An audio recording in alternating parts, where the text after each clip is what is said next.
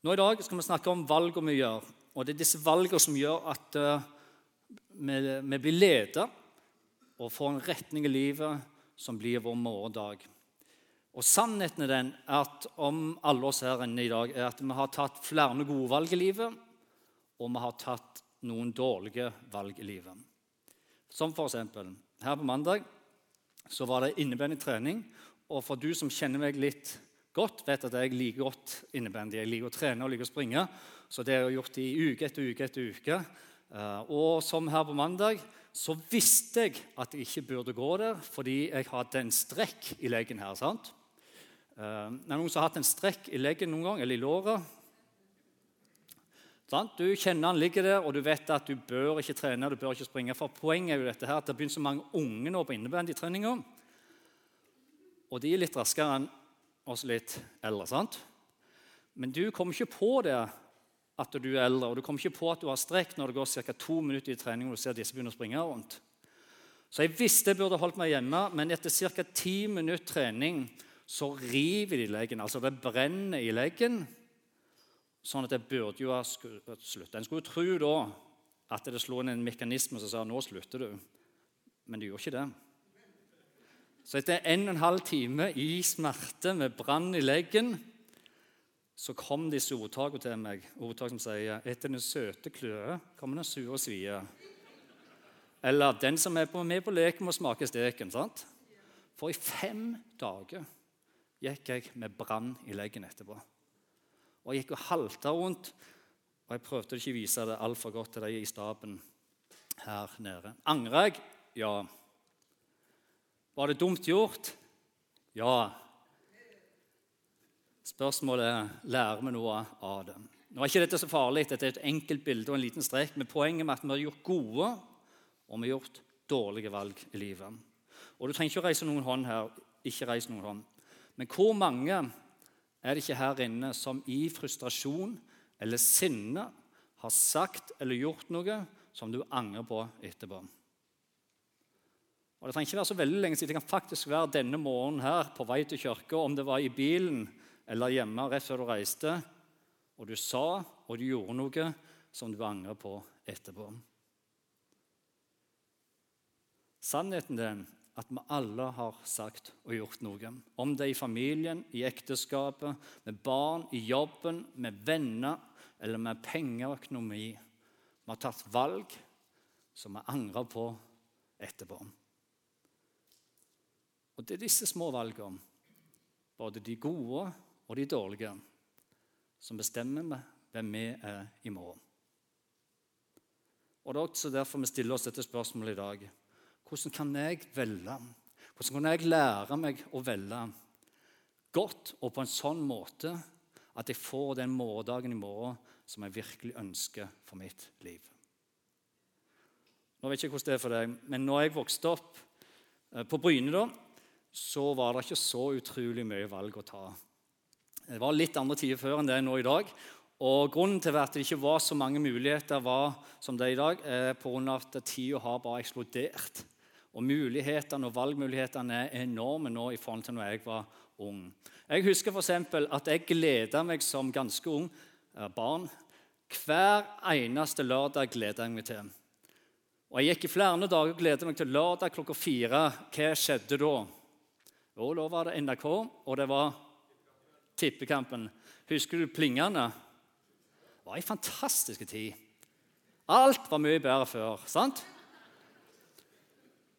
Jeg gleder meg klokka fire, og Barne-TV kom klokka seks. Og så var det nyheten etter det, og sånn var det, og sånn var det. Og om du ikke likte det, så var det sånn det var. Det var ikke så mye valgmuligheter. Men nå i dag så har vi fått noe som vi kaller for Netflix-generasjonen. Eller millenniumsgenerasjonen. Og de har 2000 valgmuligheter. Det er YouTube, og det er Insta og det er all slags ting som de prøver å få inn. Og kanaler. Det er 260 stykk de bare sitter og trykker på for å få det de ønsker. Og Vi ønsker å sette fotballkamp, tippekamp. Hva er det for noe? Nei, nei, Vi ser fotball klokka fem, og klokka seks, og klokka sju og klokka åtte. Akkurat når vi vil kan vi se den kampen. Valgmulighetene er mye mye større. Og det er ikke sånn at jeg lengter tilbake til tippekamp på NRK. Jeg tullet når jeg sa at alt var mye bedre før. sant? For det er bra med flere muligheter. Men sannheten er at jeg så alene hjemme her en kveld. Lena var ute, unger var ute, og, så gikk jeg, og jeg gikk faktisk noen timer på dagen og gledet meg. Jeg forstår meg rett nå, Lena. sant? Men, eh, men eh, sant? For du skulle være alene tid hjemme og jeg skulle se en skikkelig god film. og jeg hadde tenkt at nå skal jeg endelig få se en litt sånn mannfolkfilm med litt action i. sant? Og Så setter jeg meg ned og så begynner jeg å bla gjennom disse forskjellige greiene for å finne ut hvilken film jeg skulle se. Og her er greia. I tre kvarter så jeg. Med alle mulighetene og trykte og trykte og trykte til jeg ble så lei, og øynene gikk sånn. Endte opp med sju minutter TV 2-sport, skru av TV, gå og legge meg litt irritert. Poenget det er utrolig mye valg i dag. Og med alle valgene så gjør det oss vanskeligere å velge. Når jeg vokste opp på Bryne, så var det enten sånn at når du var ferdig med skolen, så ca. i 15-16-årsalderen, så studerte du videre på gymnas eller videregående skole. Det var liksom to valg. Eller så begynte du å jobbe. Sånn var det når jeg vokste opp. Nå i dag kan du studere online, eller du kan ta tre år i Oslo. Du kan ta to i USA, eller kanskje ett på Hawaii før du tar en mastergrad i Australia, eller før du kanskje tar et hvileår, for du trenger det sånn midt imellom slagene og alle valgene. Eller så kan du komme på å lage en hit som kommer på YouTube. Eller som Kygo, som du lager en liten sang på rommet hjemme og blir verdenspopulær. Eller du kan starte en blogg, tjene masse penger på det. Du kan lage noen bilder på Instagram eller på Facebook. Så kan det faktisk bli en jobb ut av det. Sånn er det nå i dag. Med andre mulighetene og valgene en helt annen dimensjon nå i dag. Og Før jeg går videre, så bare si det. Jeg har en 16-åring og en som snart er 18 hjemme. Og jeg bare elsker den generasjonen. Det er fantastisk å se hvor mye de får til, og hvor mye de lærer seg på kort tid. Og jeg har mye, og vi har mye å lære av den generasjonen der. Og så har også de noe å lære av oss. En del ting, faktisk. Faktisk ganske mye.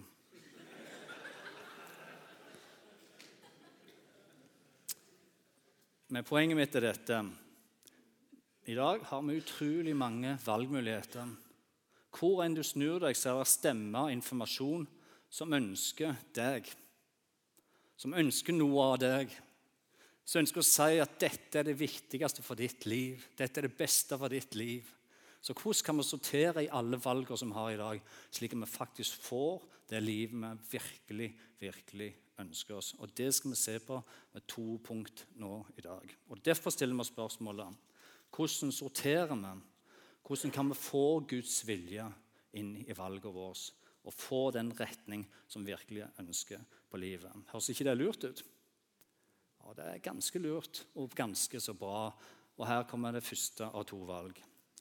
Og det handler om hvem før gjør. At Gud først og fremst er ute etter hvem du er, eller hva du kan bli for det du gjør eller skal gjøre. Med andre ord Gud, med Gud så er det alltid et hvem før et gjør. Hvem er du før hva gjør du? Guds vilje for ditt og mitt liv vil alltid handle om hvem vi skal bli, og ikke hva vi skal gjøre. Henger med? Nå vet jeg ikke hvordan det er med deg, men når jeg vokste opp, så vokste jeg opp i det Det var ikke et kristent hjem. En fantastisk mor og en pappa som var borte hele tida mest. Men jeg vokste opp, det var ikke noe bibel, det var ikke noe bønn. Ikke, jeg hadde ikke noe forståelse av uh, tro i det hele tatt. Først som 17-åring så tok jeg imot Jesus på et møte som noenlunde liksom dette. Så retta jeg opp hånda, og så tok jeg imot Jesus. Vet du hvorfor jeg har tro på en sånn bekjennelse? For jeg er et levende eksempel på det sjøl. At å rette opp hånda og ta et valg Kjempebra. Så jeg rettet opp hånda og jeg tok et valg som 17-åring og valgte å følge Jesus. Og veldig veldig tidlig så forsto jeg dette. At etter det første korset du møter Jesus Ja, det handler om det første korset, men det fins et kors til. Med andre ord, det fins et kors å ta opp. Gud han har en plan for livet mitt, han ønsker å bruke meg til noe. Han ønsker jeg skal bli noe. Så det gjorde da veldig tidlig, for jeg forsto ikke dette, hvordan det hang sammen. Men jeg gikk til noen andre kristne i menigheten og spurte kan dere be for meg. For jeg tror at Gud har en plan for mitt liv. Og det de ba, var dette veldig ofte. Og det var veldig ofte, og jeg gikk ganske mye til forbønn i begynnelsen, for jeg ønsket å vite dette. Og det de ba, var dette. Jim, uten tvil Gud har en helt spesiell plan for ditt liv. Uten tvil kan jeg kjenne at Guds kall over ditt liv. Og så stoppet det der. Og så tenkte jeg ja, det er, jo, det er jo veldig, Og det er jo flott, og det er jo kjempegodt å høre sånn. Og det er det. Men sannheten var at det hjalp meg ikke et eneste steg videre inn i Guds plan, eller hva Gud hadde for mitt liv. Så i lang lang tid så jeg hørte jeg ja, Gud har et helt spesielt kall for ditt liv. Han ønsker noe helt spesielt for deg, men jeg kom meg ikke videre. Og Poenget mitt er dette her. Når jeg spoler nå fram mange mange år, mange, mange år fram i tid, så er jeg pastor her. Og du trenger ikke å svare nå, og du trenger ikke rette opp hånda eller å si noe. Bare vær helt, helt rolig nå. Viktig at det er sånn. Men hvor mange her inne vil si at Jim, uten tvil, du har kall til å være pastor? Jim, du må bare ha et kall til å være pastor. Og Guds plan for deg er at du skal være pastor. Og Jeg setter virkelig pris på å høre det. Jeg syns det er flott når folk sier det. Men det som i hvert fall er 100% sikkert, er dette.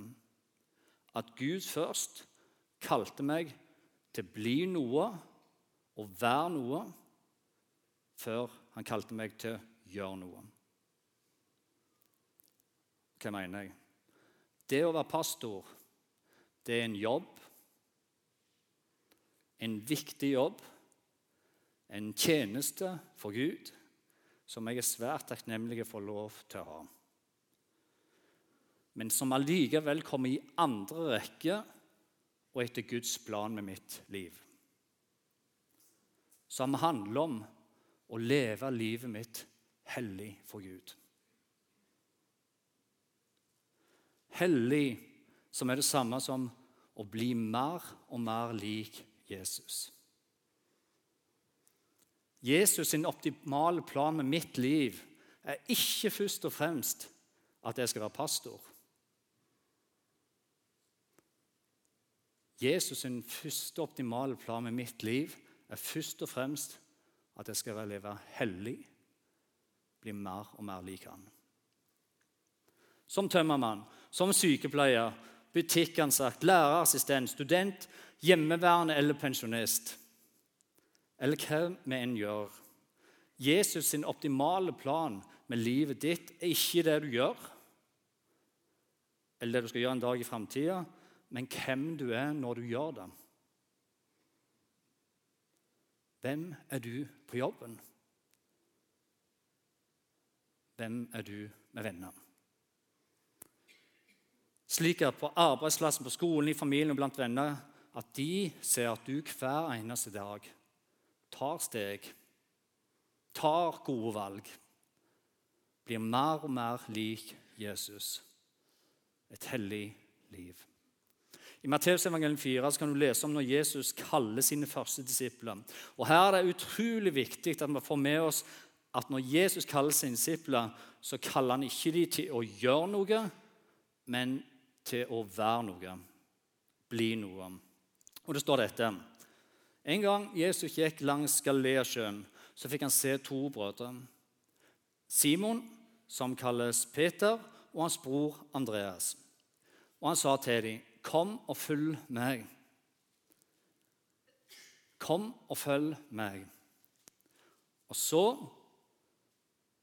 er det veldig viktig for meg Så vil jeg gjøre dere Så vil jeg gjøre dere til menneskefiskere. Det handler om å komme og følge Jesus. Ikke om hva han skal gjøre, eller de skal gjøre, men at de skal følge Jesus sånn at Jesus kunne gjøre noe gjennom deres liv sånn at han kunne gjøre dem til menneskefiskere. Og Det er utrolig viktig å få rett rekkefølge her.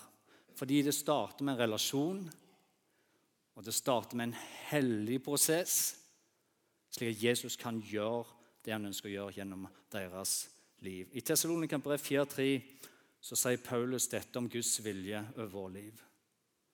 For dette er Guds vilje, sier han. Dette er Guds vilje, plan med ditt liv. At dere skal være hellige. Hva er Guds vilje for deg? Jo, Guds vilje for deg handler om hvem vi er, og hvem han ønsker vi skal bli. Og Hans mål for oss alle er at vi skal leve hellige liv. Og Det greske ordet som brukes for ordet hellige, hagia', som igjen betyr satt til side. Vær annerledes. Vær forskjellig.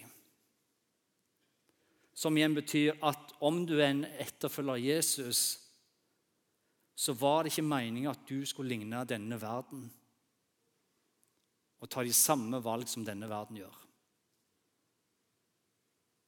Å følge Jesus handler om å bli mer og mer lik han. Slik at valgene vi gjør, de små daglige valgene vi gjør, blir mer og mer formet av den vandringen vi går i sammen med Jesus. Slik at når alle stemmene fra verden kommer inn og ønsker å si 'gjør heller det', 'gjør heller det', gjør heller det, Nei. Mitt første valg her i livet at jeg gjør livet mitt med Jesus hellig. Fordi jeg vet at de valgene jeg gjør nå i dag, blir min morgendag. Og Jeg ønsker at Jesus skal få forme meg og gjøre meg mer og mer lik han. Med andre ord gjøre meg helligere, slik at jeg tar gode valg for meg sjøl og for de rundt meg. Om du leser i Bibelen, så vil du legge merke til Jeg vet ikke om du har lagt merke til dette, her, men det står om en del personer i Bibelen. og Nå kommer jeg til å nevne en del navn. og Hvis ikke du har hørt om disse navnene, og du har ikke lest om disse, det er greit, men de står i Bibelen, disse navnene her. Kort. Når jeg nevner navn som Moses, eller Josef, Ester, David, disiplene Peter, Johannes eller apostelen Paulus, som planta menigheter Det er klart at Hvis vi bare sammenligner oss med de gode sidene i historien deres Alle de fantastiske tingene disse personene fikk lov å oppleve sammen med Gud Da får vi et problem. For hvor lett er det ikke å tenke at alle disse trosheltene tenker sånn Oi, oi, oi. De må virkelig ha hatt et spesielt kall for Gud. Gud må virkelig ha gitt dem De må ha vært Guds favoritter en annen divisjon enn oss andre her. Gud må ha gitt dem absolutt alle typer velsignelser, slik at de kunne gjøre det de gjør. Nei, nei, nei, nei. Da speiler med oss i det retasjerte glansbildet av det som vil være å si og følge etter Jesus. Da ser vi ikke forsakelsen deres. Da ser vi ikke kampen mot synden. Da ser vi ikke bønnen og tårene og tvilen og nødropet til Gud. Da ser vi ikke de, de små daglige valgene om å ta opp korset, mens alle andre sier 'den vei'. Nei, jeg går denne vei. Da ser vi ikke vennene som forlot dem, forfølgelsen, og det at de måtte stå for det de virkelig trodde på. Og De betalte mange av dem en dyr pris i ensomhet. For de ønsket å bli mer og mer lik Jesus. Fordi ingen av disse personene som vi leser om i Bibelen, som jeg nå nevnte, hadde noe personlig medlemskap i en VIP-klubb der Gud bare ga dem alt det de trengte. Nei. Og hvorfor er det sånn? Jo, for Gud så kommer det alltid til å først handle om hvem vi er, og hvem vi kan bli, for hva vi skal gjøre. Det handler om vår karakter. om vår integritet, om våre små daglige valg i familien, på arbeidsplassen også osv. Og Det leder oss til det andre punktet med Guds vilje, som er og det vil alltid være et hvorfor før et hva. Guds vilje hvorfor før et hva. Med andre ord, motivene våre er viktige for Gud. Hvorfor gjør vi det vi gjør? Hvorfor gjør vi det vi gjør? Motivene våre er viktige for Gud. Ordspråket 16,2 sier dette. En mann kan synes og det gjelder også en kvinne, en mann kan synes at hans ferd er ren, men Herren prøver tankene. Med andre ord det kan se flott ut på utsida, men Herren går forbi utsida og inn i, tankene. Eller som det står i en annen oversettelse En mann kan synes at hans ferd er ren. Alle en manns veier er rene i hans egne øyne, men Herren veier åndene. Vår ånd. Og Sannheten dette er dette her. Vi mennesker har en utrolig kapasitet og en enorm evne til å komme på en plass der vi dekker oss sjøl, skjuler oss sjøl, stikker av, passer på at vi sjøl står fram i et godt lys.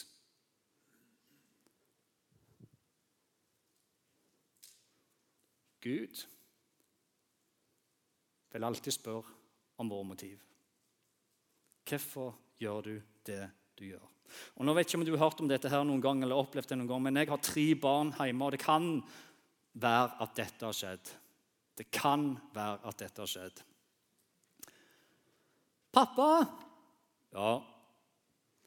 Pappa, jeg vet ikke om du har tenkt på dette, men jeg hadde bare så lyst til å si det til deg, pappa, at du er den kuleste pappaen som fins.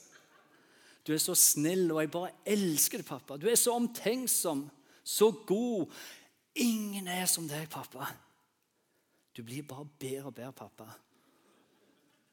Du er flink pappa og en god pastor òg. Og med det samme, pappa Og det er her dådyrene kommer. Pappa, kan vi få en hund? Snille pappa.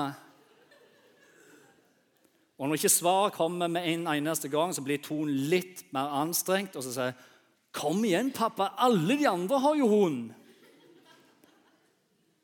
Og det store spørsmålet i dag er har vi hund. Ja, vi har hund. Og Nå vet jeg at dette er en enkel historie, et enkelt bilde, men, men, men hvordan er det når det kommer til våre motiver? Har vi skjult agenda? For sannheten er Det som virkelig, virkelig er skremmende, er når jeg ber Gud om å sette lys på mine motiver, og plutselig ser hvor mye grabs og egoisme det er her i dette livet.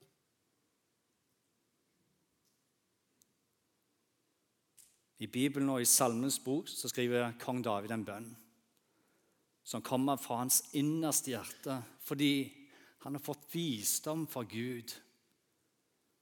Det speiler seg i Guds hellighet. Og han skriver dette. Herre, han ber, Herre, du ransaker meg, og du vet. Ja, du vet om jeg sitter eller står. På lang avstand så kjenner du mine tanker. Om jeg ligger, så ser du det. Du kjenner alle mine veier. Og så fortsetter han. Ransak meg. Kjenn mitt hjerte. Prøv meg og kjenn mine tanker. Se om jeg følger fortapelsens vei. Alle stemmer. Og led meg på evighetens vei. Retning mot Jesus.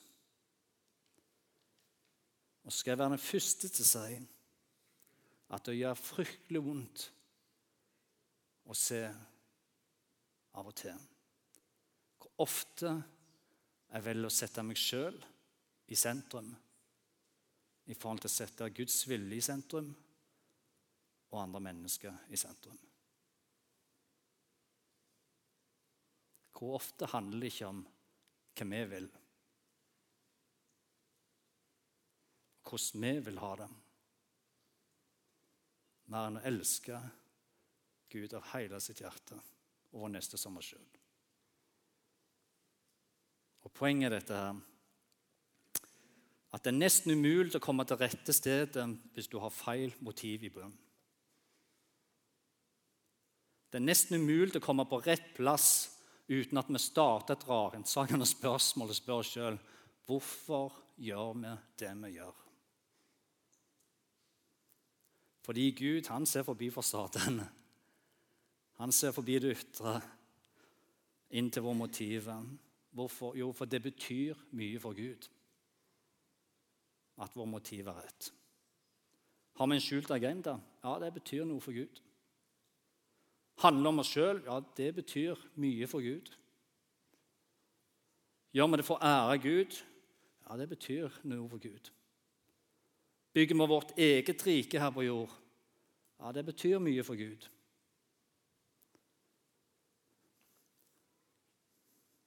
Det er en Guds sak. Og det her Paulus skriver så utrolig flott og mektig når han spør om hvordan livet som Jesus etterfølger skal leves. Med andre så sier han, 'Gud, hva vil du at jeg skal gjøre med dette livet her?' Hva er greia, Gud? Hjelp meg med å finne en plan her. Hva det handler om dette her? Og svaret er dette her. Han skriver dette er en summen av ganske mange ting som lander det ned til dette her. La alt dere sier og gjør, skje i Herrens navn. Herren Jesu navn. Men takk til Gud vår far ved ham. Og hvorfor gjør du det du gjør? Jo, la alt jeg gjør, om jeg er en pappa eller mamma, om jeg er lærer eller sykepleier, om jeg er student eller jobbsøkende, om jeg er butikk eller om jeg selger, om det er i menigheten eller hjemmet La alt jeg gjør, alt jeg sier og gjør, skje i Herren Jesu Kristi navn ved ham. Ved ham fordi at jeg er en representant for han. Hellig liv fordi jeg ønsker å speile han. Gode valg fordi det får konsekvens for morgendagen, for mitt liv og de rundt meg sitt liv. Svigerfar min Oskar skal slutte med dette her. Han har alltid stått som et forbilde for meg i alle år. Jeg fikk ikke så mye, lang, lang tid med han fordi han døde så altfor tidlig. Det var noen måneder. Men om det var én ting jeg virkelig lærte, og jeg kan si om Oscar i dag, så er det dette. Han var en fantastisk flott mann. Det var det ene. Men det virker som om Oscar tok gode valg hver eneste dag. Rette valg hele tida. Valg som leder han til å bli mer og mer lik Jesus helt, helt til det siste. Det indre kompasset i livet til skal være liksom skrudd imot Jesus og imot den retningen som Jesus ønsket han skulle gå. Han var innstilt, og han levde for å ære Gud til slutten. Han var formann, han var formann i Bryne misjonsmenighet i 16 år. Slå den. Det er bra. Og han jobbet på samme fabrikk i over 40 år. Samme plass. Det er sjeldent i dag, det.